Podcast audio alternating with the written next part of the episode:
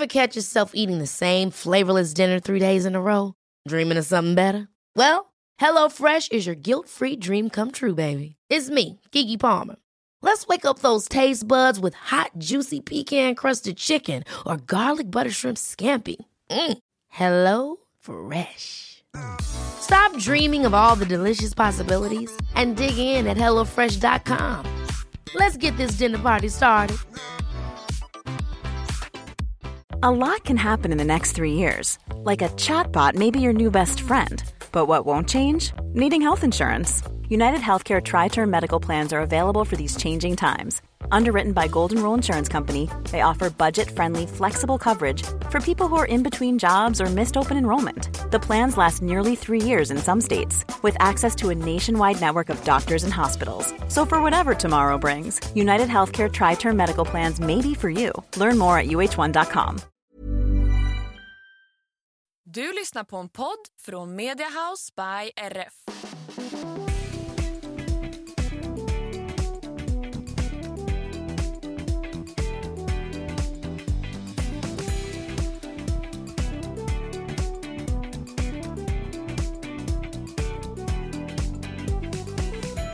Hej på er allesammans och varmt välkomna till systrarna Elfstrands hästpodd avsnitt 179. Välkomna, välkomna. Jag som pratar nu heter Emma. Och jag heter Anna och det här är podden om oss, våra fyra hästar och ridsporten i stort och smått. Och ni som är hängivna lyssnare, ni vet ju om att nästa vecka då blir det ett frågepoddsavsnitt för då är det ju jämnt avsnitt. Precis, då spelar vi in avsnitt 180, eller ja, vi släpper avsnitt 180 nästa vecka.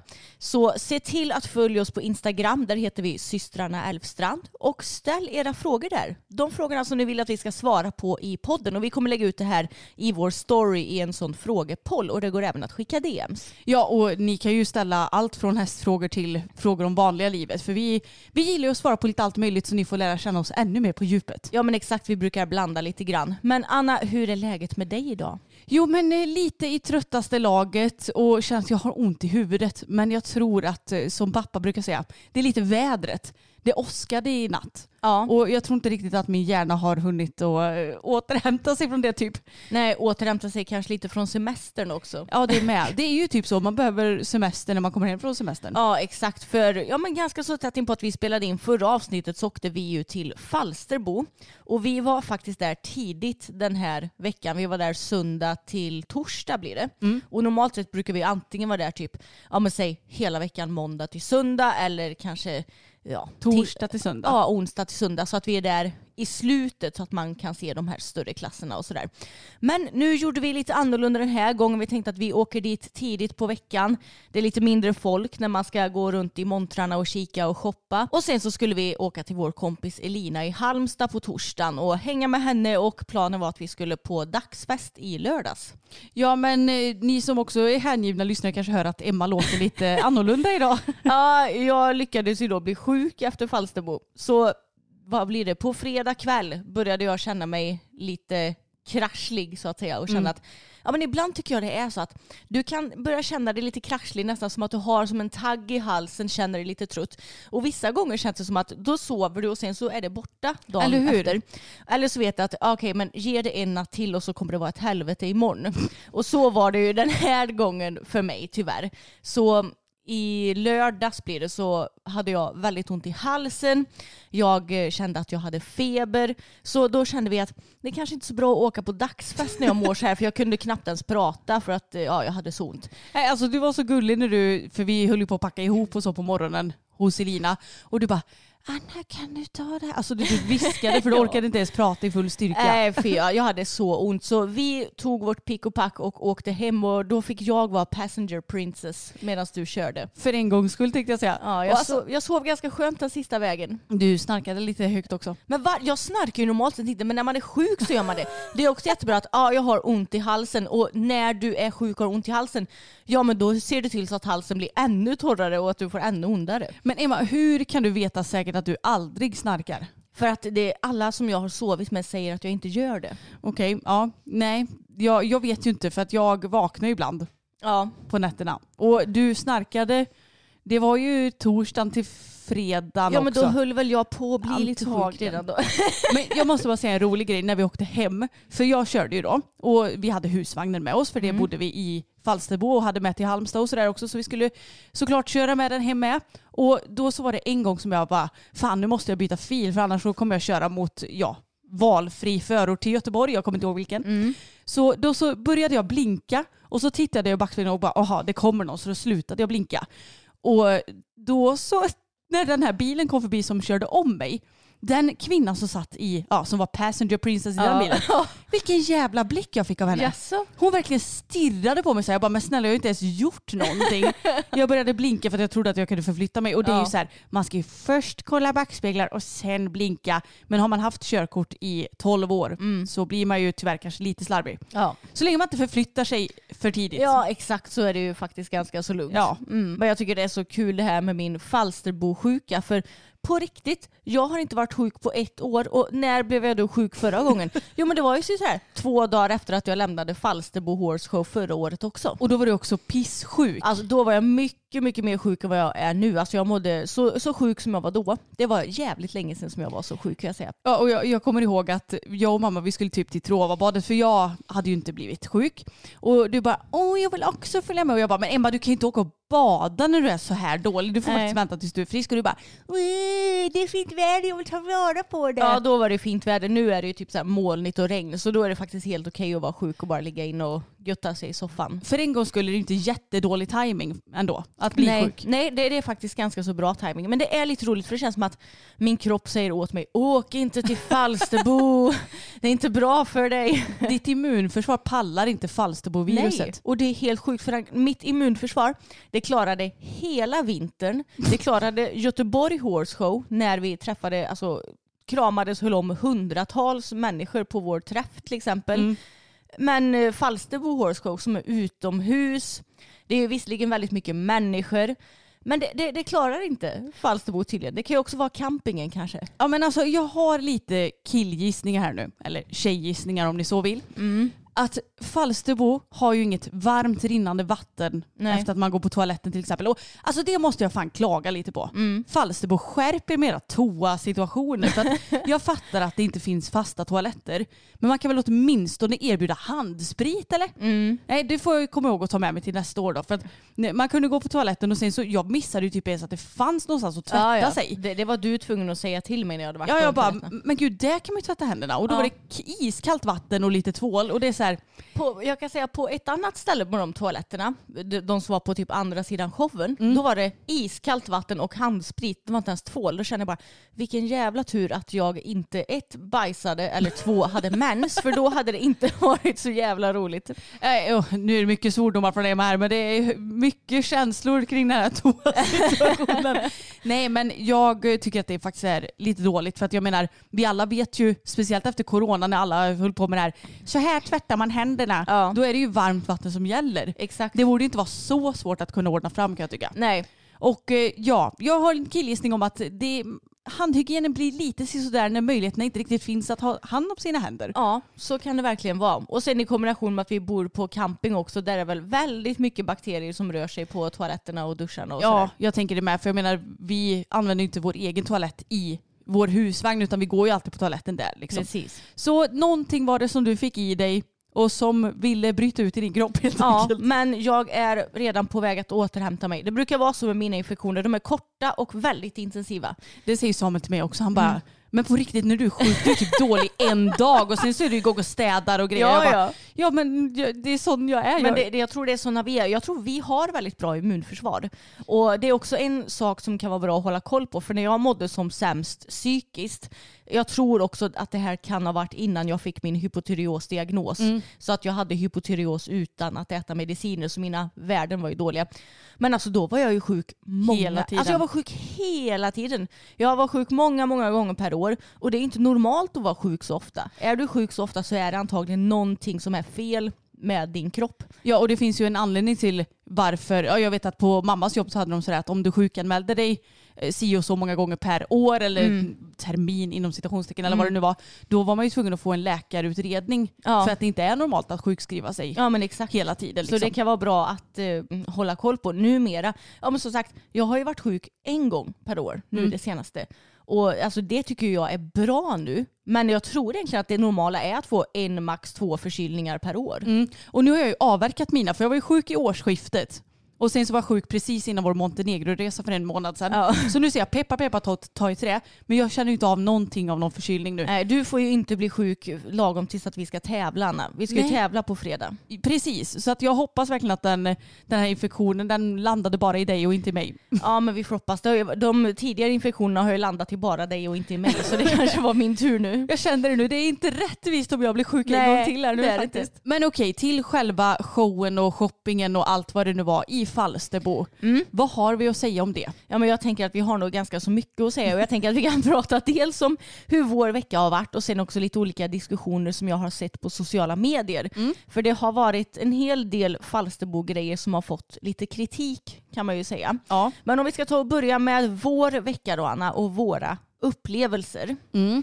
Ja, vart ska man ta och börja? Nej men vi kom ju dit på söndagen och då hade vi ju lite strul med att få förtältet. Ja, jag blev så arg för att grejen att pappa han är ju så duktig så han har märkt upp hela förtältet, alla pinnar och sånt där så att man vet hur man ska göra och så har vi en ritning och den är skitbra, den är väldigt pedagogisk, det är enkelt att förstå sig på och jag har ändå satt upp det där jävla förtältet många gånger nu. Men så var det en fot som saknades Ja. till en av pinnarna som ska stå i backen. Och då blev du förvirrad. Jag blev jätteförvirrad för Du att själva... inte, du hittar inte vilken är det jag ska ha. Exakt, för det är liksom en svart gummifot som har en liten pigg på sig som man så här, sätter ner i marken.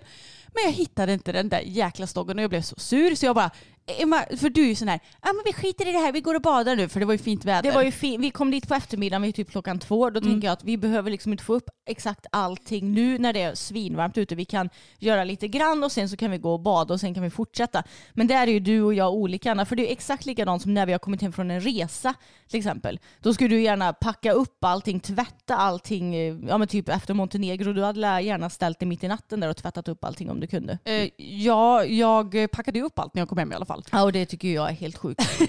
Ja men vi är väldigt olika, där skiljer vi oss kanske som mest nästan. Ja, medan jag är lite mer chill och bara vi, kan, vi behöver inte göra exakt allting nu utan Mm. är det varmt och soligt nu då kan man faktiskt passa på att gå och bada och sola lite. Ja, så jag, jag skickade iväg dig till stranden, tog några djupa andetag och typ ringde pappa och jag Ja, kände bara Det ska vad- tilläggas att vid den här tidpu- tidpunkten hade vi fått upp det mesta. Ja, Mm. exakt. Det var bara lite grann kvar. Så att jag var förbannad och så tog jag några djupa andetag och så bara okej men här ligger det ju faktiskt en stång som inte heter någonting. Den hade ingen siffra på sig Mm. och den hade heller ingen gummifot. Jag bara men det måste ju vara den enda som blir över sen. Och mycket riktigt så var det nog den bara att den här foten har lossnat då och Ja. siffran uppenbarligen som är uppmärkt med. Så att till slut så fick jag ihop det. Jag gjorde ju det, klart det sista själv. Och, så, och sen så bytte jag om till bikini och gick, eller åkte till dig till stranden. Mm. Och det var så skönt att bada. Jag var så Ja. svettig. Ja, vattnet i Falsterbo det är så fint. Man behöver inte oroa sig över några jävla maneter. Nej, det, är- det är på riktigt mitt värsta djur Ja. har jag insett. Ja. Maneter, jag kan klara vilken fisk som helst känner Mm. jag. Men maneter, de är Mm. så äckliga. ja, jag har också väldigt, väldigt svårt för maneter. Och det känns också som att alltså, fiskar är ju ändå skygga. Jag Mm. menar om man kommer och simmar så här, åh nu kommer en människa, då Mm. simmar vi åt andra hållet. Men maneter, de bara, oj det kommer en människa men jag hinner inte flytta på mig för en manet som Ja. typ knappt kan simma. Exakt. De flyter bara med. Ja exakt. Nej, så det var faktiskt väldigt härligt. Och på söndagen så var vi ju inte någon på showen utan då fick vi upp allting och så badade vi och chillade. Mm. Sen på måndagen så åkte ju du och jag till showen och då kan man ju säga att vi hade vår största shoppingdag. Det kan man säga, för det var ju väldigt lugnt i Ja. Falsterbo på måndagen. Alltså det var så skönt. och någonting med Falsterbo det är att oavsett om du är där på typ, ja men säg onsdagen eller på söndagen, andra veckan då, så är det ju svin mycket folk. Japp. Och det kan vara väldigt, väldigt svårt att shoppa i Falsterbo tycker jag. Dels eh, ja, men om man jämför Falsterbo med Göteborg till exempel. Skillnaden i Göteborg är att du ser väldigt tydligt, tycker jag, vilken monter det är du går in i. Mm. Medan i Falsterbo så går du ju basically in i olika vita tält och det är inte ens alla utställare som tydligt alltså, märker ut vilken butik det är. Nej, jag vet. Man går in i en butik och bara undrar vart jag är nu någonstans. Och så kanske man har tur och ser någon liten text med vilken butik det är. Så det är ju verkligen, jag tycker att det är viktigt som utställare att man märker upp med vilken butik det är. Ja, och i Falsterbo upplever jag också att det känns lite mer som utställarna, de tar typ med sig vilken skit som helst och bara slänger in det lite grann. Medan i Göteborg känns det lite mer städat och att man kanske har lite mer Strukturering. Ja, precis. Så jag, jag tycker att det är mer strukturerat i Göteborg. Sen är det ju väldigt, väldigt trångt där också såklart. Det är ju säkerligen mindre plats själva mässan har på sig. Men av någon anledning så tycker jag typ att det känns trängre i Falsterbo ändå. Ja, men det är också det här som, om man jämför lite de olika mässorna eller showerna. Stockholm vill jag minnas att de säljer ju bara läktarplatser och läktarbiljetter. Och det är de personerna som får gå på mässan. Ja. Medan i Göteborg och Falsterbo, då kan du ju köpa en mässbiljett eller inträdesbiljett Ja, och gå på mässan. Och på Falsterbo kan man ju till och med kika på showen, även fast man inte har någon sätesplats. Liksom. Nej, exakt. Eh, Så att det blir ju extra mycket folk. Mm, det är sant. Ja, för det är sant. För i Stockholm är nog det stället som det är minst trångt på på Mm. mässan. Och det är klart, de har ju inte jättestor mässa så de hade nog inte kunnat släppa in mer folk för Nej. då blir det nog för mycket. Så det är ändå lite intressant hur olika arrangörer väljer att göra. Och det finns väl inget rätt eller fel. Men det är mycket folk. Ja. Så måndagen var det extremt lugnt och det är väl säkert för att ja, men lördag söndag har de öppet på vecka ett. Och då har ju folk helg och de kan ändå ha möjlighet att komma dit. Men måndagen då är det kanske lite så att folk jobbar fortfarande och tänker att de kommer senare i veckan. Så det Ja. var extremt lugnt. Ja, men jag tror när vi har pratat med våra vänner och bekanta som ändå har montrar. Jag tror att i princip alla säger att måndagen är den sämsta dagen. Ja. Så det innebär att det var den bästa dagen för, För oss, oss, att gå runt. För det var väldigt lugnt och då kunde man ju gå i de här trånga montrarna också Mm. utan att behöva trängas. Och på måndag så köpte vi egentligen alla våra nödvändigheter som vi hade tänkt köpa. Mm. Och vi kommer ju att lägga upp en Falsterbo-vlogg nu på lördag. Ja. Där vi visar upp allt vi handlat och sådär. Så ni kan gå in och kika på den vloggen så behöver vi inte rabbla upp allt vi köpt här tänker jag. Nej, precis. Det lite långrandigt. Men vi kikade också lite på showen. Visst var det femåringarnas kval då i dressyren? Eh, ja, Nej det var tisdagen. Nej, det var nog... Ja, jag minns inte. Jag minns inte heller. Men vi kikade i alla fall lite på showen. Och Mm. det som är kul med lördag, söndag första veckan och måndag, tisdag, onsdag. Mm. Eller kul slash bra. Det är att man behöver inte köpa några läktarbiljetter utan Nej. det är bara inträdesbiljetter som gäller. Mm. Och så får man sätta sig där det finns plats helt Ja, enkelt. exakt. Så vi kikade ju på femåringarna. Jag tror nästan att det var på, på måndagen när vi såg eh, bland annat Carl Hedin och Skyline. Jag är ganska säker att det var på tisdagen för då Okej. hade ju Lina kommit. Ja just det, ja. ja skitsamma. Men eh, vi kikade i alla fall lite grann på dressyr. Jag Mm. tror det vi såg på dressyren under de här dagarna det var eh, femåringarna absolut inte alla utan några stycken och även ponnykyren vet jag Mm. att vi såg. Sen såg vi nog ingen mer dressyr tror jag. Nej det blev inte så. Men Nej. eh, det var faktiskt eh, kul att se. Och, eh, vi såg Carl Hedin när han vann med sin Skyline to be. Mm. Och alltså den hästen, jag sa det, rör den ens marken? För det ser typ inte ut som det. Nej och även om vi har hoppstammade ston så blir man ju bra sugen på att betäcka. Ja, speciellt kanske Pebban och Skyline. Kanske Ja. hade varit ett bra match. Ja men faktiskt. Ett bra match. bra match. Han är ju väldigt så här, i uppförsbacke, hon är lite mer i nedförsbacke. Men hon har ändå väldigt så bra trav och skritt. Galoppen är väl helt okej men det är kanske hennes minst spektakulära gångart. Ja, Och den har ju Skyline en väldigt bra galopp. Så- exakt. Och båda två verkar ju vara extremt ridbara och nej men han är ju en riktig drömhäst. Ja, verkligen. Så att, vem vet, det kanske blir en potential baby daddy i framtiden. Ja men Anna du behöver ju inte köpa något dressyrföl då. Jag kan skapa mitt eget. Exakt. Ja, herregud. Nej, men och sen så kollade vi ju en del på hoppningen. Det blev ju lite unghästklasser. Vädret var ju lite sisådär så jag vet någon dag åkte vi lite till och från showen. Vi flydde regnet lite grann. Lite så. Eh, och sen så på onsdagen då tittade vi ju bland annat på Huntingen och Amatörtouren. Ja, och vi konstaterade ju det när vi satt och kollade på Huntingen att det är lite överskattat. Ja. För grejen att det är ju extremt mycket folk som gillar att titta på Huntingen. Mm. Så det är fullt på hela läktarna och runt, ja men alla. För det, Huntingen är ju att de hoppar ett gäng hinder inne på Falsterbobanan, den stora gräsbanan. Mm. Sen hoppar man ut och hoppar ett gäng terränghinder, liksom lite vatten och lite hej och hå. Mm. Och sen kommer man tillbaka och hoppar några hinder till. Allt går på tid och så- sådär.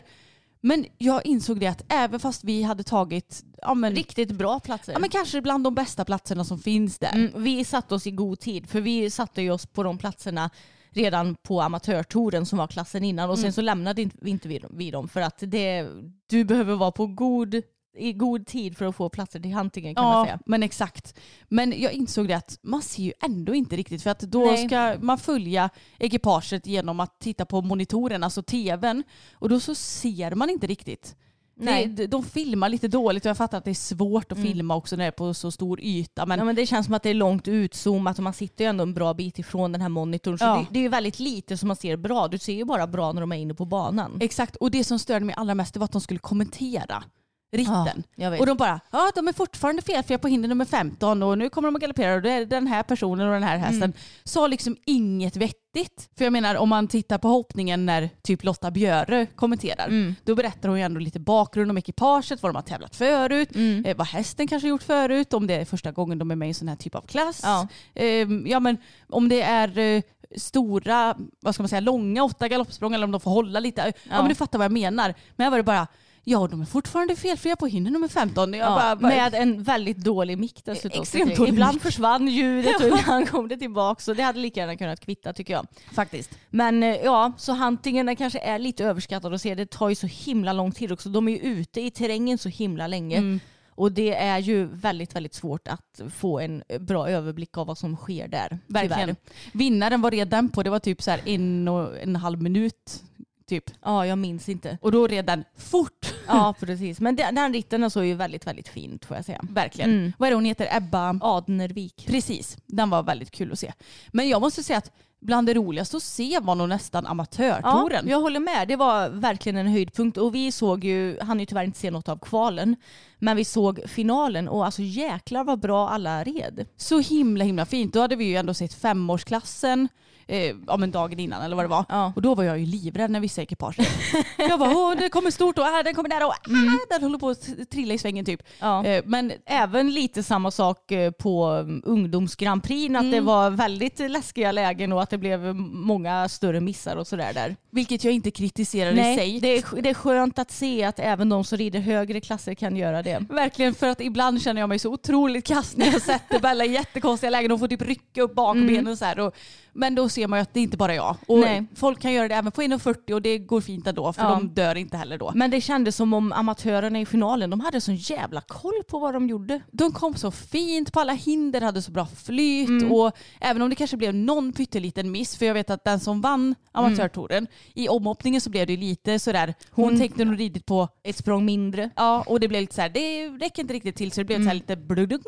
Men det såg ändå så himla naturligt ut på Ja. något sätt. Precis. Och även om det blev så här ett par stopp för att hästarna tittade på något hinder, det var så här, man behövde aldrig känna sig orolig. Utan Nej, och det alla- var mjuk och fin ridning Ja, fortfarande. Väldigt mjuk skinridning, så trevliga hästar. Det var väldigt roligt att se. Ja, och det är ju kanske en liten dröm du har att kunna rida amatörtouren någon Ja. gång.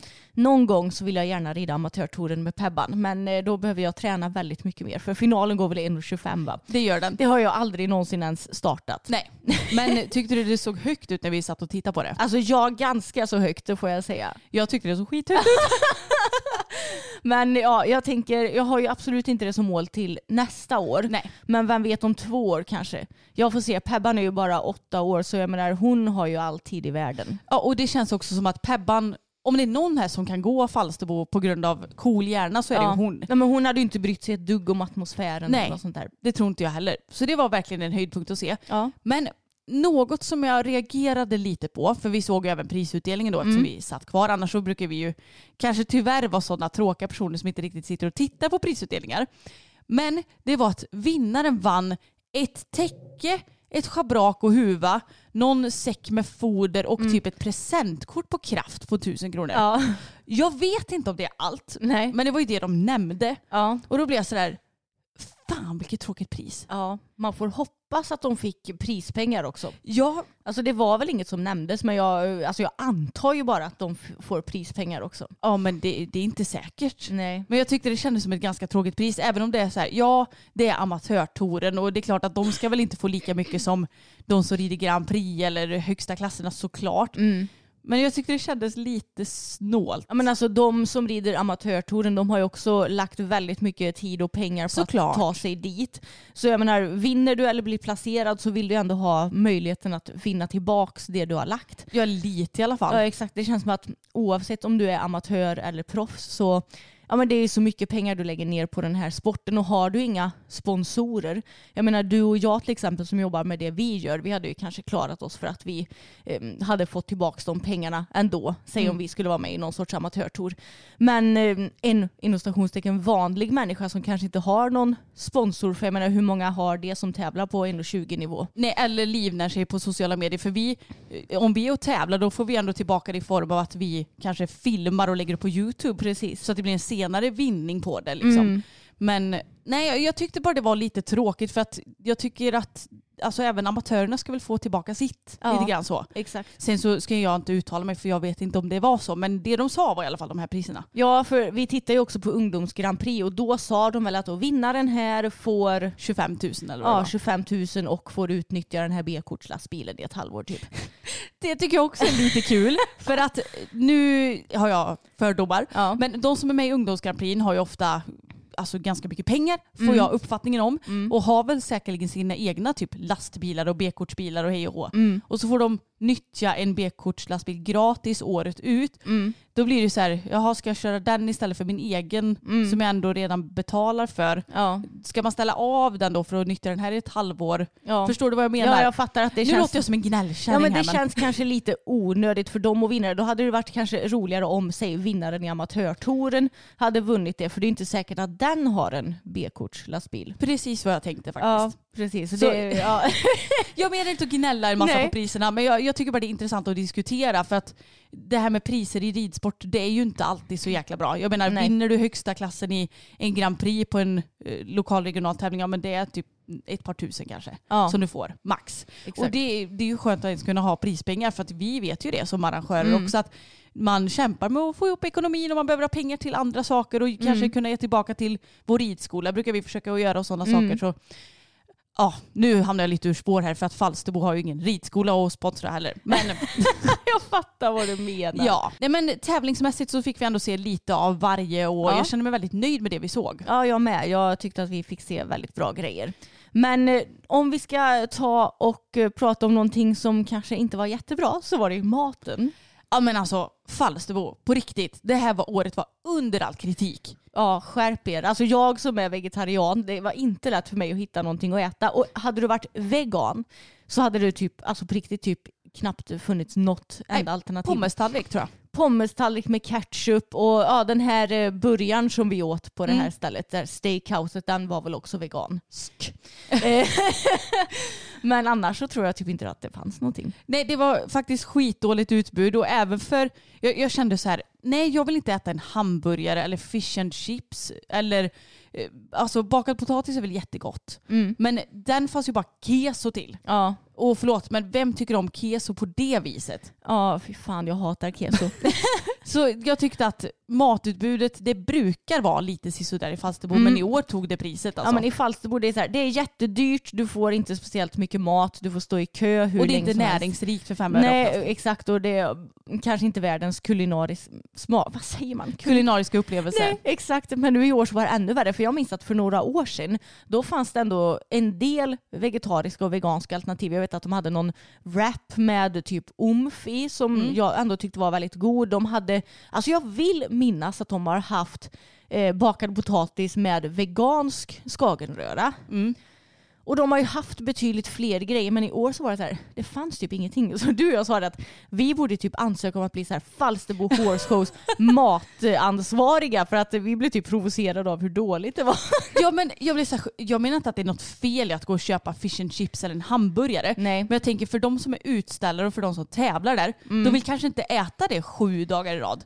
Man Nej. kanske vill ha någon sallad eller någon eh, lite mer matig pasta eller Någon sorts husmanskost. Exakt, med lite Mm. potatis och grejer. Alltså det finns ju så mycket god mat som man kan göra på ett enkelt sätt. Men Ja. här var det så här, nej men vi värmer på en hamburgare. Mm. Och att det inte ens fanns, åh det gör mig nästan mest provocerande, att det inte i de här tälten fanns en vegetarisk burgare. Nej, alltså det är så här, du kan gå och köpa så här Hälsans köks frysta burgare och bara steka på dem så har du en alldeles utmärkt vegetarisk burgare.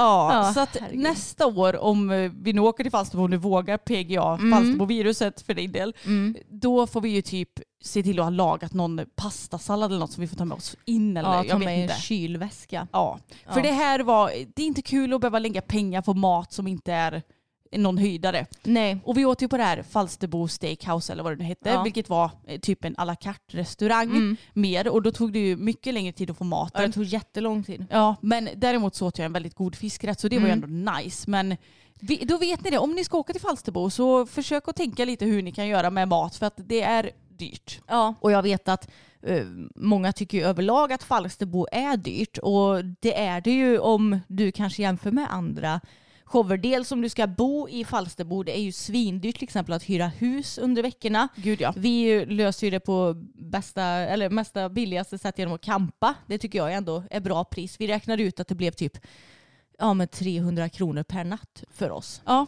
precis. Så det är ju ändå väldigt prisvärt om man Mm. jämför med mycket annat. Precis, men jag menar inträdet är dyrt. Eh, maten är dyr och de vet ju om att de kan ta så mycket pengar också. Mm. Så ja, alltså jag vet inte, jag, det känns som att jag blir lite så här mer och mer anti Falsterbo för varje år. För det, men det känns så omodernt jämfört med typ andra shower. Ja, och vi ska ju ta upp lite snackisar vi har kring Falsterbo senare, Mm. men eh, ja, jag tar inte ens upp det nu, vi tar det sen. Ja. Men vi kan ju bara nämna lite också priserna, för att i måndagen så kostar det 210 kronor att gå in. Mm, och vad, då fick man ju då, ja men man kunde shoppa och sådär. Och det enda som fanns att titta på det var ju unghästklasser. Jag menar, jag kan åka på vilken tävling som helst och se samma hästar gratis hemma i Sverige. Ja, faktiskt. Eh, och på onsdagen kostar det 250 kronor tror jag. Mm. Och jag menar, ska du vara där torsdag till söndag då får du ju både betala inträde och läktarplats. Mm. Så det blir ju dyrt. Det blir väldigt dyrt och jag menar även om man inte köper någon läktarbiljett torsdag till söndag då kan man ju typ stå på kortsidan eller stå längs staketen och titta och sådär.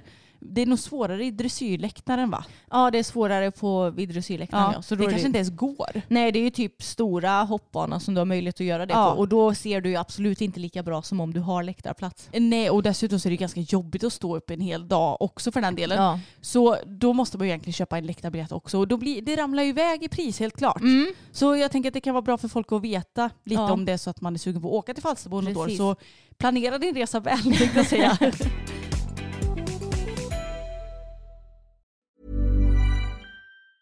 Hi, I'm Daniel, founder of Pretty Litter. Did you know cats tend to hide symptoms of sickness and pain? I learned this the hard way after losing my cat, Gingy. So I created Pretty Litter, a health monitoring litter that helps detect early signs of illness by changing colors, saving you money and potentially your cat's life. Pretty Litter is veterinarian developed, and it's the easiest way to keep tabs on your fur baby's health right at home. Go to prettylitter.com and use code ACAST for 20% off your first order and a free cat toy. Terms and conditions apply. See site for details. Here's a cool fact a crocodile can't stick out its tongue. Another cool fact you can get short term health insurance for a month or just under a year in some states. United Healthcare short term insurance plans are designed for people who are between jobs, coming off their parents' plan, or turning a side hustle into a full time gig. Underwritten by Golden Rule Insurance Company, they offer flexible, budget friendly coverage with access to a nationwide network of doctors and hospitals. Get more cool facts about United Healthcare short term plans at uh1.com. Okej, då tänkte jag att vi skulle gå in på lite fler snackisar som hände under Falsterbo. Och jag tänkte börja med att prata om en grej som gäller en hoppryttare som kommer från Polen. Och nu ber jag tusen gånger om ursäkt om det är någon med polskt påbrå för jag ska försöka att uttala det namnet. Eh, eh, Konopacki. Ja, ber om ursäkt som sagt. För jag är ingen polack i vare sig uttal eller sinne. Men den här personen han var ju alltså med på det här derbyt då. Och derbyt det är ju en hoppklass men man skulle ju nästan säga att det är en blandning mellan hoppning och fälttävlan. Ja, lite grann. Den är en och en halv kilometer lång och jag vet att de sa, kommentatorerna, att en normal hoppbana brukar vara typ 400 meter lång kanske. Ja, 400-500. Ja, så det är nästan som tre hoppbanor Ja, på den, rad. den är väldigt lång. När jag tittade på derbyt, de, det är tydligen samma bana varje år. Mm. Och jag kände efter en stund bara, men herregud ska det inte ta slut snart? Alltså det var så lång bana. Mm. Och de hoppar ju både hinder, de hoppar bank, de hoppar um, vad heter det, pullermangrav. Alltså det är lite hybrid mellan vanlig hoppning och terränghoppning. Mm, precis. Och det skulle tilläggas att det var ju bara två stycken som lyckades bli felfria. Ja, det är väldigt svårt att bli felfria Mm. på den långa banan. Och man är ju inte jätteförvånad över att Steve Gerda gick och vann. Nej, det var väldigt snyggt. Det var väldigt snyggt. Men i alla fall, den här polacken då, jag kommer kalla honom för Konopaki för det känns enklare att säga det än hans förnamn. Ja. Han var då fyra med sin häst i, den här, i det här derbyt. Mm. Och sen senare samma dag så var han med i en six bar. Det här och har jag helt... vann, nej, och vann den och eh, hoppade 1,90 med Alltså den här det hästen. här har jag helt missat känner jag. Och jag känner bara, jag förstår att Falsterbo har showgrejer och det är väl klart att de kan ha det. Men ska det inte finnas någon form av regel att du får inte ha startat hästen den här dagen? Och kanske framförallt inte i den tuffaste hoppklassen Nej, som nej. finns. Det, det är ju en riktigt tuff hoppklass och sen ska den hoppa närmare två meter då. Jag tycker det är helt sjukt. Ja det, det, alltså herregud jag känner att gör folk det på den här nivån men tydligen. Tydligen. Jag tänker att det är någonting som du kanske hade gjort om du har varit en amatör och inte vetat bättre. Eller hur? Är det, herregud, vad har, eh, vad har det blivit för diskussioner då? Eller vad står det om det hela? Nej, men det har väl egentligen inte kommit upp så mycket diskussioner utan det är mer att folk har eh, kommenterat startade inte den här hästen derbyt och sixbaren på samma dag? Alltså Ja. ifrågasätter det lite grann. Alltså det är ingen tidning som har liksom skrivit om att eh, han startade båda klasserna. Alltså nu har jag ju varit så dum och bara tagit en printscreen på Ja. eh, själva inlägget som jag hittade på Facebook om det här. Så jag tror det är Hipson som har skrivit om det. Och jag tror att de bara skrev om sixbaren typ att oj det var 1,90 högt och bla bla bla Mm. typ sådär. Så att jag tror inte att det var någon som kanske, Tänkte på det. nej, Mm. Det kanske är för att han är en så pass anonym ryttare också att folk inte har koll. Varit- Nej. kanske varit en annan sak om Steve Gerda som eh, ja, red den här hästen i derbyt. Att han hade ridit samma klass. Då hade nog det kanske blivit lite mer uppmärksammat. Ja, men läsarna eller de som var här på Facebook var ju uppenbarligen väldigt uppmärksamma. För det hade inte jag, för jag kollade ju inte heller på sixbaren. Nej. Så det hade inte jag uppmärksammat. Men Nej. Det känns helt sjukt att det inte finns någon form av regel kring Ja. det här, för det finns det ju uppenbarligen inte. Herregud. Bara, nu måste vi ha en kul ho- showklass. Ja bra, du är med. Och Ja. du är med. Men han måste ju ha varit väldigt nöjd med resultaten för den dagen. Komma, Komma fyra. fyra i derbyt och jag kan säga att det var ganska så, han kom ju fyra på tolv fel. Så ni hör ju att banan den... Nej, åtta fel Åtta va? fel. Ja just åtta fel. Mm. Eh, så ni hör ju banan den var ju, alltså den är svår och det är svårt att bli felfri. Så han måste ju varit görnöjd med det resultatet. Ja och så gå och vinna sixbaren sen. Vilket jag tycker också, jag förstår grejer med showgrejer.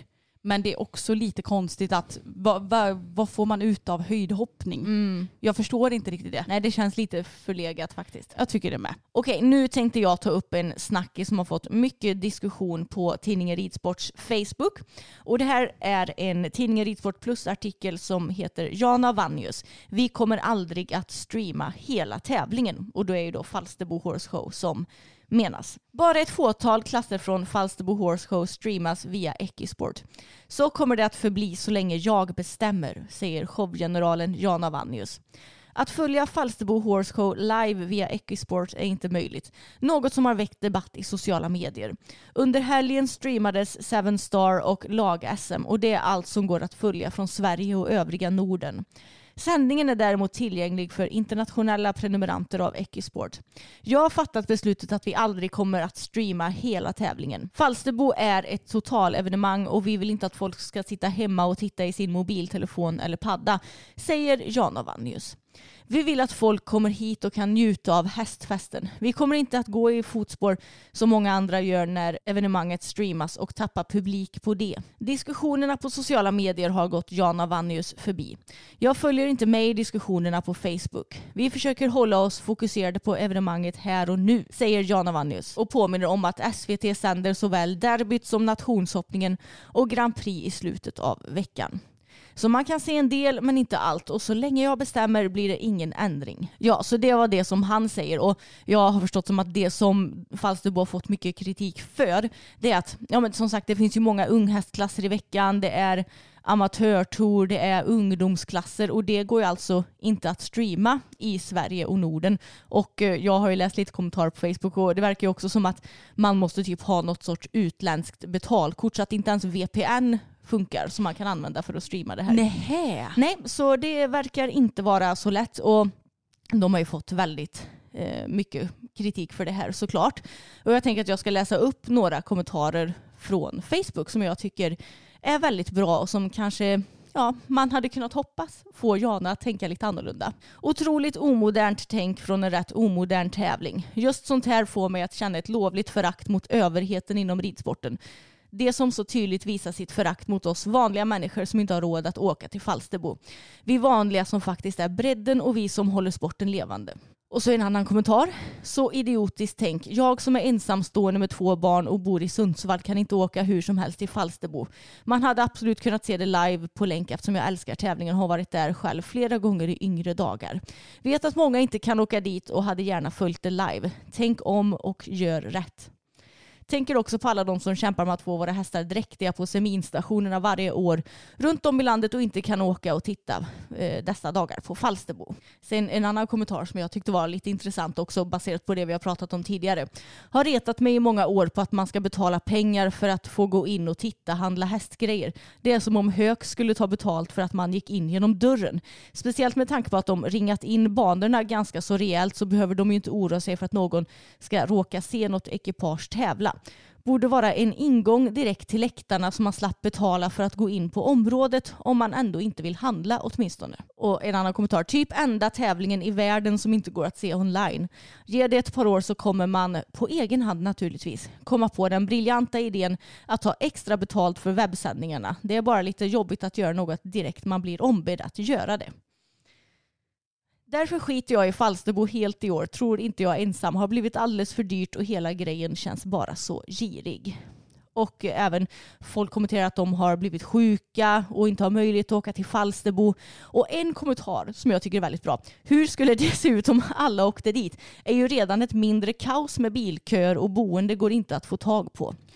Det är ju precis det vi har pratat det om. Det är så sant. För mm. alltså det, är ju, det tar ju skitlång tid att ta sig ja, men från typ Malmö in till Falsterbo Skanör för att det är ju, det, det, är ju som, det ligger ju på en halvö nästan kan man säga. Mm. Och det finns ju bara en väg dit och det är ju ett mer eller mindre kaos redan nu. Så hur fan skulle det bli om fler människor skulle försöka ta sig dit? Nej, och jag menar det finns ju begränsade platser på campingarna och ja, men i hus och sånt som de hyr ut.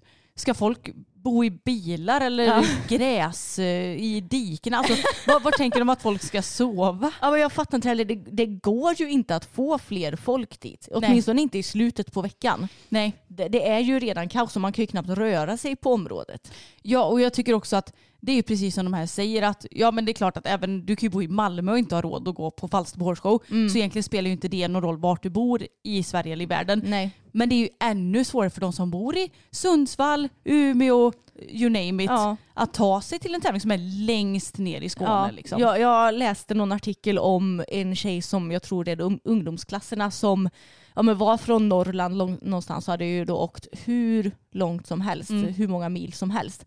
Och jag menar, ja, hennes familj och släktingar och vänner de kan ju inte se när hon rider för det streamas inte. Nej. Tänker han att de också ska åka ner hela vägen då och betala hur mycket pengar som helst för bara resan och sen även boende och allt sånt där. Nej men alltså det är så oempatiskt och förlegat tänkt där så det finns inte. Och mm. man blir inte förvånad att det kommer från Jana Vanjus som är 80 plus och överklass. Alltså jag menar kan man inte ha något annat perspektiv än sitt eget eller? Nej det, jag tycker faktiskt det är jättetråkigt för att jag menar det är så många fler som hade kunnat njuta av eh, showen och man hade inte vi hade ju kanske inte behövt känna att vi måste vara på plats alla dagar heller. Mm. Visst, det behöver vi inte nu heller.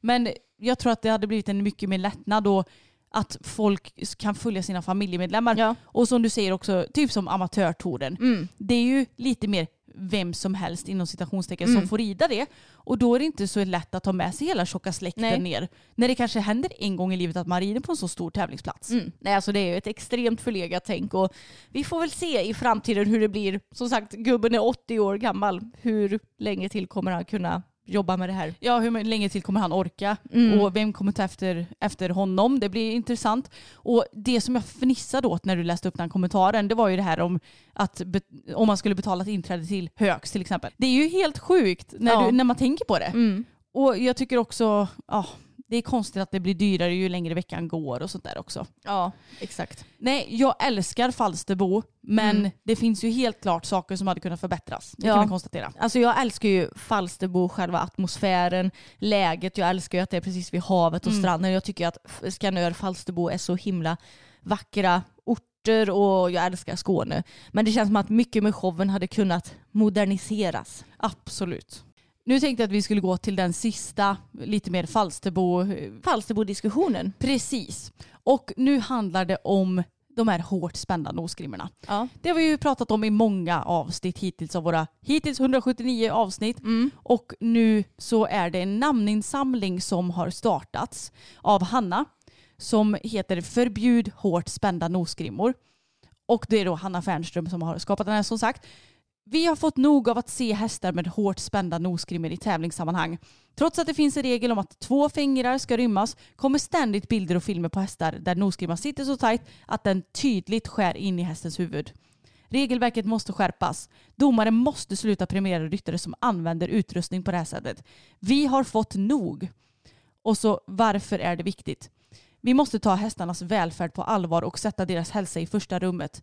Spända nosgrimmor är inte bara smärtsamt, det hindrar även deras andning. Vi kan inte låta tävlingsresultat och prisrosetter stå över hästarnas välfärd oavsett det gäller glada amatörer eller den professionella eliten. Och så ser man också en bild här.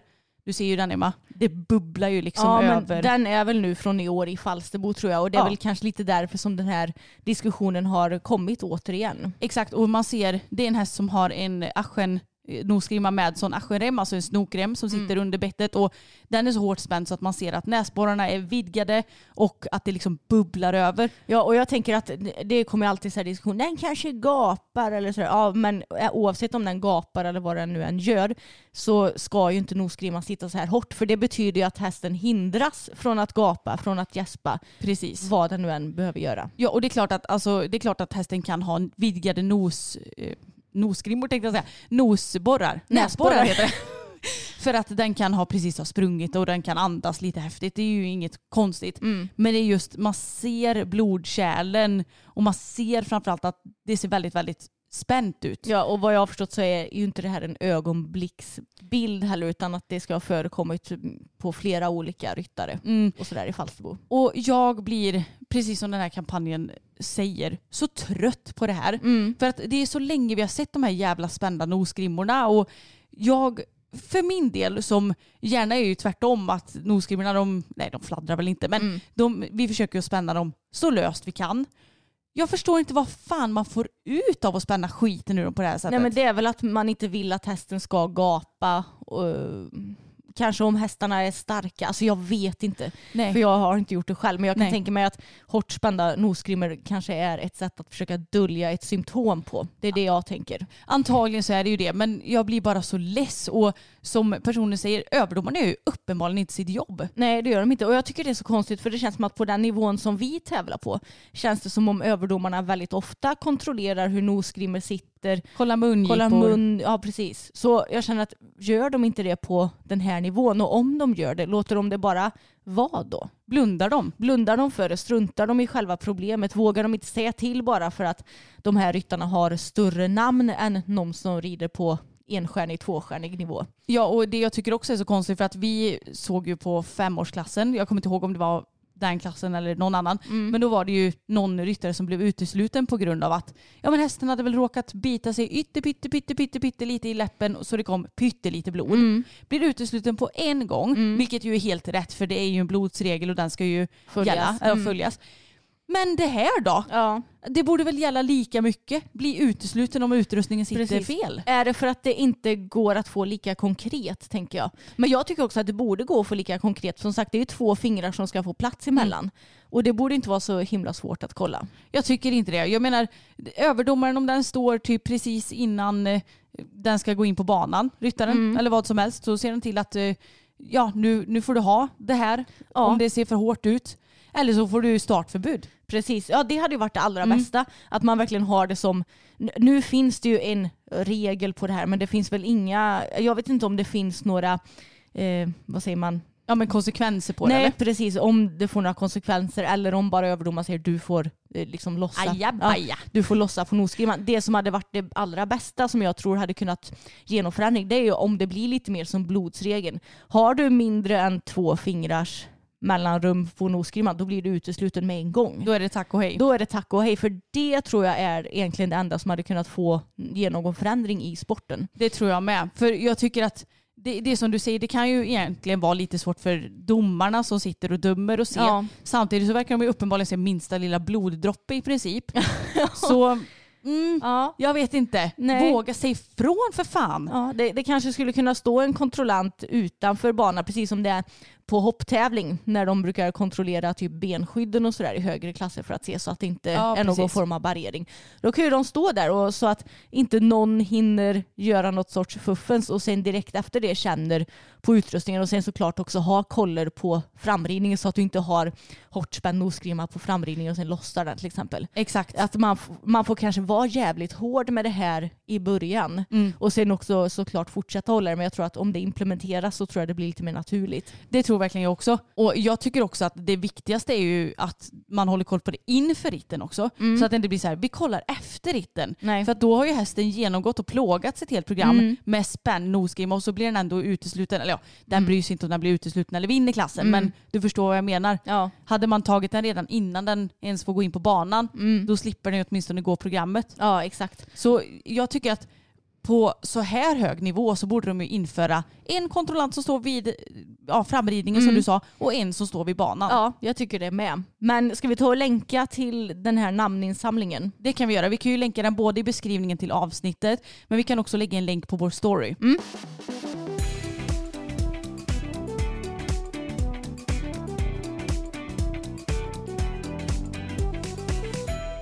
Sommarpraten är ju i full rullning. Har du något favorit hittills? Maja Nilsson Lindelövs tyckte jag var otroligt bra. Håller verkligen med så det måste ni lyssna på om ni inte redan har gjort det. Har också lyssnat på Ina Lundström och börjat på Omar Rudberg. Ja. och tycker att eh, ja, Idas var lite speciellt men älskar ju henne som person. Ja. Och eh, Omars verkar också väldigt bra. Ja, och Mars var bra, det har jag också lyssnat på. Och jag har också lyssnat på Camilla Läckberg. Hon pratar en del om vikthets och em, hennes upplevelser av det hela. Genom att ja, men, hon har ju pendlat lite i vikt och sådär, vilket ju är helt normalt. Och vilka reaktioner hon har fått, hur det har varit för henne och sådär. Så jag tyckte det var jättebra också. Det måste jag lyssna på med andra ord. Triggervarning dock eftersom det pratas om vikt och sådär. Ja, men exakt. Men något som vi lyssnar på tillsammans, Emma, det är ju Henrik von Eckermans sommarprat. Ja men det var ju, vi ju såklart tvungna att göra. Så det gjorde vi i bilen nu när vi åkte från Falsterbo till Halmstad. Och ja, vad står det egentligen att han ska prata om om man läser beskrivningen i Sommar i P1? Det står hoppryttaren om vad som krävs för att bli bäst i världen. Och jag vet inte riktigt, jag skulle inte säga att det är det som avsnittet handlar om.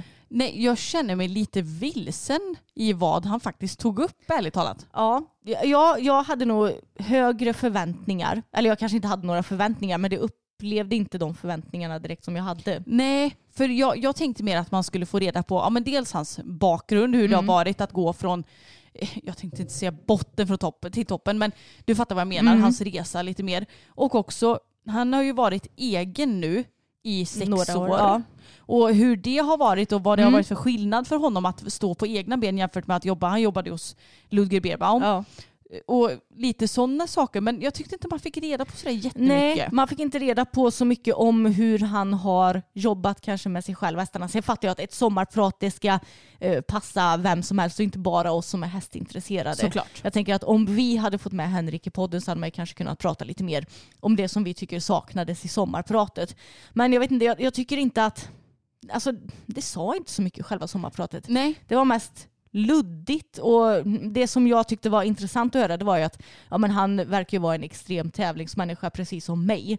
Och hur hans tankar var ja, men när han kom fyra i OS individuellt att han är den första förloraren och sådär. Och jag kände, jag kände igen mig väldigt mycket i det och att om det, samma sak hade hänt mig så hade jag ju Alltså det hade känts som att jag inte hade kunnat förlåta mig själv någonsin. Men att han ändå var tvungen att ta sig förbi det för att senare kunna ta ett OS-guld istället. Och jag tyckte det var väldigt strångt, ja, men både av honom och Malin som lyckades med det. Men det är så här, jag kommer ihåg väldigt lite av det här sommarpratet förutom de här känslorna och att man fick höra lite gamla radioreferat från OS till exempel. Ja, men lite samma här faktiskt. Så det, det, det la inte så mycket avtryck hos oss. Nej. Så det är lite tråkigt för jag tror att han, man, hade kunnat uppskatta sommarpratet mer om man hade fått gå lite djupare. Ja. Men det är ju som du säger, det ska ju passa även någon som inte kan något om hästar typ. Ja, och jag vet att vår kompis Elina, vi frågade henne vad hon tyckte om det och hon, hon sa, innan vi ens hade sagt till henne vad vi tyckte så sa hon typ precis samma sak som Ja. oss. Att, ja, det kanske inte sa så mycket. Nej, precis. Så det var lite tråkigt, men eh, samtidigt så, ja, alltså Henrik är ju fantastisk som ryttare och Mm. jag är så sjukt imponerad av hans resa. Ja. Och av han och King Edward som ekipage också för den delen. Ja, men det hade varit intressant att få reda på mer. Det här Ja. just att starta eget företag. För jag tänker att det är väl någonting som många kanske behöver göra inom hästvärlden. De flesta har väl kanske först jobbat hos någon i många år och sen så till slut tagit det här steget. Och det är ju efter att han blev egen som han har blivit så här framgångsrik. Ja, Så det hade varit, det känns som att det blev lite hoppigt och jag inte riktigt har någon koll på hela hans... hela tidslinjen typ. Nej, exakt. Det lät allvarligt men eh, jag tror ni förstår vad jag Ja. menar. Okej, nu till det sista lilla samtalsämnet här i podden för den här veckan. Det har ju blivit väldigt lite våra egna hästar och väldigt mycket som vi har sett i verkligheten och hört på sociala medier. Vad konstigt, vi har ju inte ridit på över en vecka nu. Exakt. Men vi lyssnade ju också lite på ridpodden på vägen hem. Och då lyssnade vi på ett avsnitt där det var en uppfödare som hade blivit inbjuden. Vad är det hon heter nu igen? Eva Gudmundsson. Just det, hon är från Östergötland någonstans. Precis. Jag tyckte det var ett intressant avsnitt där de pratar om avel. Ett eh, ämne som jag själv kanske inte har så himla bra koll på. Men man har ju förstått att uppfödare, de, de, det är inte direkt så att de blir rika på sitt jobb som uppfödare. Nej. Utan de gör det för att de brinner för hästarna helt enkelt och får väl en annan sorts självförverkligande än pengar, vilket ju är väldigt härligt. Men då började de prata lite grann om vad man kan göra för att uppfödare faktiskt ska kanske kunna lite mer livnära sig på det här. Och då pratade Eva om att, ja, men att uppfödare ska få någon form av provision vid försäljning. Alltså att säg att du har fött upp en hästarna Mm. eh, och så säljer du den till mig. Då får ju du såklart alla pengar för det. Ja men då säger vi, då, får jag 80 000 för att Ja. jag, det var det fölet kostade. Precis. Mm. Och sen om jag säljer vidare den här hästen sen. Säg att jag säljer vidare den för 100 000. Mm. Då kanske du som uppfödare får en provision på 10 procent. Mm. Så då får du 10 000 för det. Mm. Och sen om nästa person säljer vidare så får du 10 procent av det. Mm. Och det tyckte jag var intressant för jag fattar verkligen hennes ehm, Tankegång. Ja precis, hennes tankegång och hennes, hon, är ju, hon lever ju det här livet och jag förstår att det är frustrerande att kanske inte få så bra betalt för det hela som hon tycker att hon borde få. Men vi, vi tog upp den här diskussionen i bilen att det lät som en väldigt konstig grej. Jag, jag är lite, jag tycker det är intressant att hon tar upp det för att jag hade aldrig kommit på tanken själv. Men om man ska sätta det i ett annat perspektiv, säg typ eh, husbyggare. Det är någon som bygger ett hus åt eh, en privatperson eller att en privatperson gör det själv. Det kan man väl ändå göra om man är snickare och har alla behörigheter. Och så säljer man det huset för säg fem miljoner och sen så ska den få provision för varenda ägare som Ja. säljer det huset vidare. Jag tycker det är lite konstigt och tror inte det är så applicerbart. Jag tror inte det heller jag tror inte heller att du som köpare är villig att betala uppfödaren om du... För jag menar, uppfödaren har ju redan gjort sitt jobb. Exakt, den har ju inte gjort något mer än... Äh, gud, jag, jag menar inte att förminska uppfödare för Nej. de gör ju ett jättejobb. Mm. Men de har inte gjort mer än att föda upp hästen. Jag menar, Nej. om du nu har köpt den hästen som jag har fött upp och du Mm. säger att du rider den fram tills den är fem. Ja, jag rider in den, jag Exakt. får massa tävlingsresultat. resultat. Säg att du tar upp den till femårsklasser, 1,20 Ja. hoppning typ sådär. Då har ju du rent krasst inte gjort något Jag har inte mer. gjort ett skit. Nej. Jag kanske har varit och tittat på någon tävling och varit glad över Ja. min fina Du, uppfödning. du har inte betalat någonting Nej. för, eh, hästen, alltså för vad det har kostat för mig att ha hästen. Mm. Då hade jag tyckt det känns lite bittert att jag har ju redan betalat den här uppfödaren Ja. för att köpa den här. Så varför ska jag betala den mer för det jobbet som jag har lagt ner? Mm. Även om jag förstår frustrationen i att de kanske tycker att de inte tjänar tillräckligt mycket pengar. För jag menar, det är ju mycket kostnader. Mm. Du ska in på seminstationen och det är undersökningar Ja, liksom. och det kostar ju att hålla hästar också. Gud ja. Men man får ju inte heller räkna kanske med att gå plus om du har hästar överhuvudtaget. Alltså jag Nej. menar våra hästar som vi inte, eller nu tjänar ju vi pengar på våra hästar, men våra hästar som vi hobbyryttare har, de, de tjänar inte vi några pengar på heller. Nej, vi går ju bara back. Exakt, och det är det man kanske lite får räkna med om du väljer att ha den här livsstilen. Mm. Men hon hade väl typ 25 ston eller något sånt där som hon Ja. tog föl på. Japp. Så hon har ju verkligen att göra och det är ju extremt imponerande. Mm. Och också ändå kul att ha det som jobb att så här, kombinera ihop hästar och Ja, bara, mm, jag skulle vilja ha lite mer av det här och så Mm. bara tussa ihop. Och det måste vara så coolt att se alla sina uppfödningar sen. Man ska inte underskatta uppfödare. Nej, men som sagt, det var en intressant idé men jag tror inte att den kommer vara genomförbar i verkligheten. För jag tror, jag tror inte att det är någon annan förutom uppfödarna som vill att det ska vara så här kanske. Nej, Eller? precis. Jag, jag, vad- tänker jag fel? Tror du att andra ryttare hade tyckt att det varit en bra idé också? Jag vet inte, det kanske möjligtvis är någon ryttare som har lite småavel vid sidan av och ändå är lite mer insatt i den världen. Mm. För jag tror att vi som är rena ryttare, vi tycker nog bara att nej men va, jag har ju köpt den här för att använda den till det här. Ja precis. Ja, men som med Bella till exempel. Jag Mm. köpte henne för enligt mig väldigt mycket pengar. Jag hade kunnat köpa en billigare häst från, eh, från Utlandet. utlandet. Exakt. Om jag då skulle sälja henne, ska jag då behöva betala ännu mer pengar? Alltså det hade jag ju inte gjort. Nej, du bara, eh, hon är nej, inte du, såld. nej du, hon är inte såld. Hon är fortfarande kvar. Men jag tycker det är intressant och vill ni berätta vad ni tycker om det här, eh, Mm. den här idén så får ni gärna berätta det för oss. Vi har ju en eftersnacksgrupp på Facebook som heter systrarna Älvstrands hästpodd eftersnack. Ja. Så ni kan gå med i, det vore intressant att veta. Ja, för jag vet att Eva hon jämförde det hela lite med typ musik och sådär. Med royalty och så tror. Men jag. det är ju en grej, för jag menar om man tänker till musik, ja men du som artist du skapar en låt, eller du som producent du skapar en låt. Mm. Men jag menar den används ju hela tiden lite här och Mm. lite där och det är klart att då finns det ju stimpengar och sånt Ja. där och det, det finns ju redan ett system som ändå känns vettigt. Mm. Men jag menar, ah, jag vet inte. Nej men och, också typ så här om, eh, säg att vi köper en bil, en Mm. nytillverkad bil. Jag vet inte vart man köper det, det är väl från någon sorts bilfirma. Men då antar jag att de har ju då först köpt in den från sig Volvo. Ja. Och sen då när vi köper den från bilfirman, då ska bilfirman betala ännu mer till Volvo. Ja, Ja, jag vet inte, jag tycker det, det är inte riktigt applicerbart tycker jag på hästar det här tänket. nej jag tror inte det. Och jag tror inte att det, det är väl ingenting som används förutom på just musik och böcker väl? Nej, jag, nej inte vad jag kan komma på. Det är ju mer, ja men det är ju konst Ja, precis. som det används på.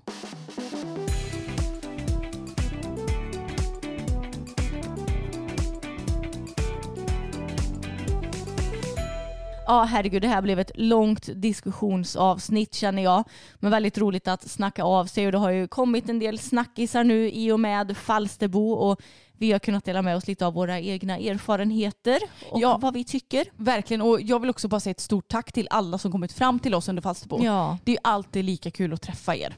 Verkligen. Och tusen tack för alla presenter. Vi, vi blir helt, jag vet inte, överväldigade. Vi förväntar ju oss ingenting. Nej. Och ändå så får vi så fina saker av er. Ni är så Ja, gulliga. Det är så gulligt. Och nästan det allra roligaste jag vet är när föräldrar berömmer oss för att vi är sådana bra förebilder. Ja, det är så att här, fint. Mina, mitt barn, det, jag behöver inte vara orolig och de kan titta på er och eh, att ni är goda förebilder. Och det är också så fint att föräldrar och barn kan titta på oss tillsammans. Även så här, eh, mor och farföräldrar kan titta tillsammans med sina barnbarn och så att ändå vi kan passa en väldigt bred målgrupp. Vi finns i olika generationer så att Ja, säga. exakt. Det tycker jag är så himla härligt. Jättefint.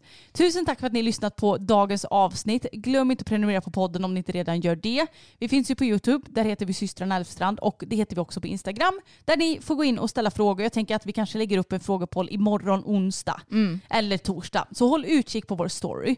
Och ni får ha det jättebra så hörs vi igen nästa vecka. Det gör vi. Hej då!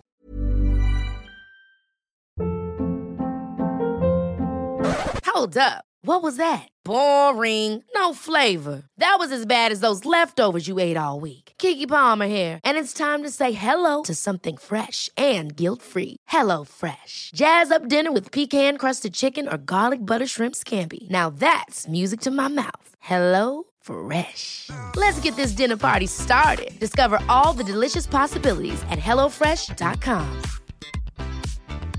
Planning for your next trip? Elevate your travel style with Quince. Quince has all the jet setting essentials you'll want for your next getaway, like European linen, premium luggage options, buttery soft Italian leather bags, and so much more. And is all priced at 50 to 80% less than similar brands.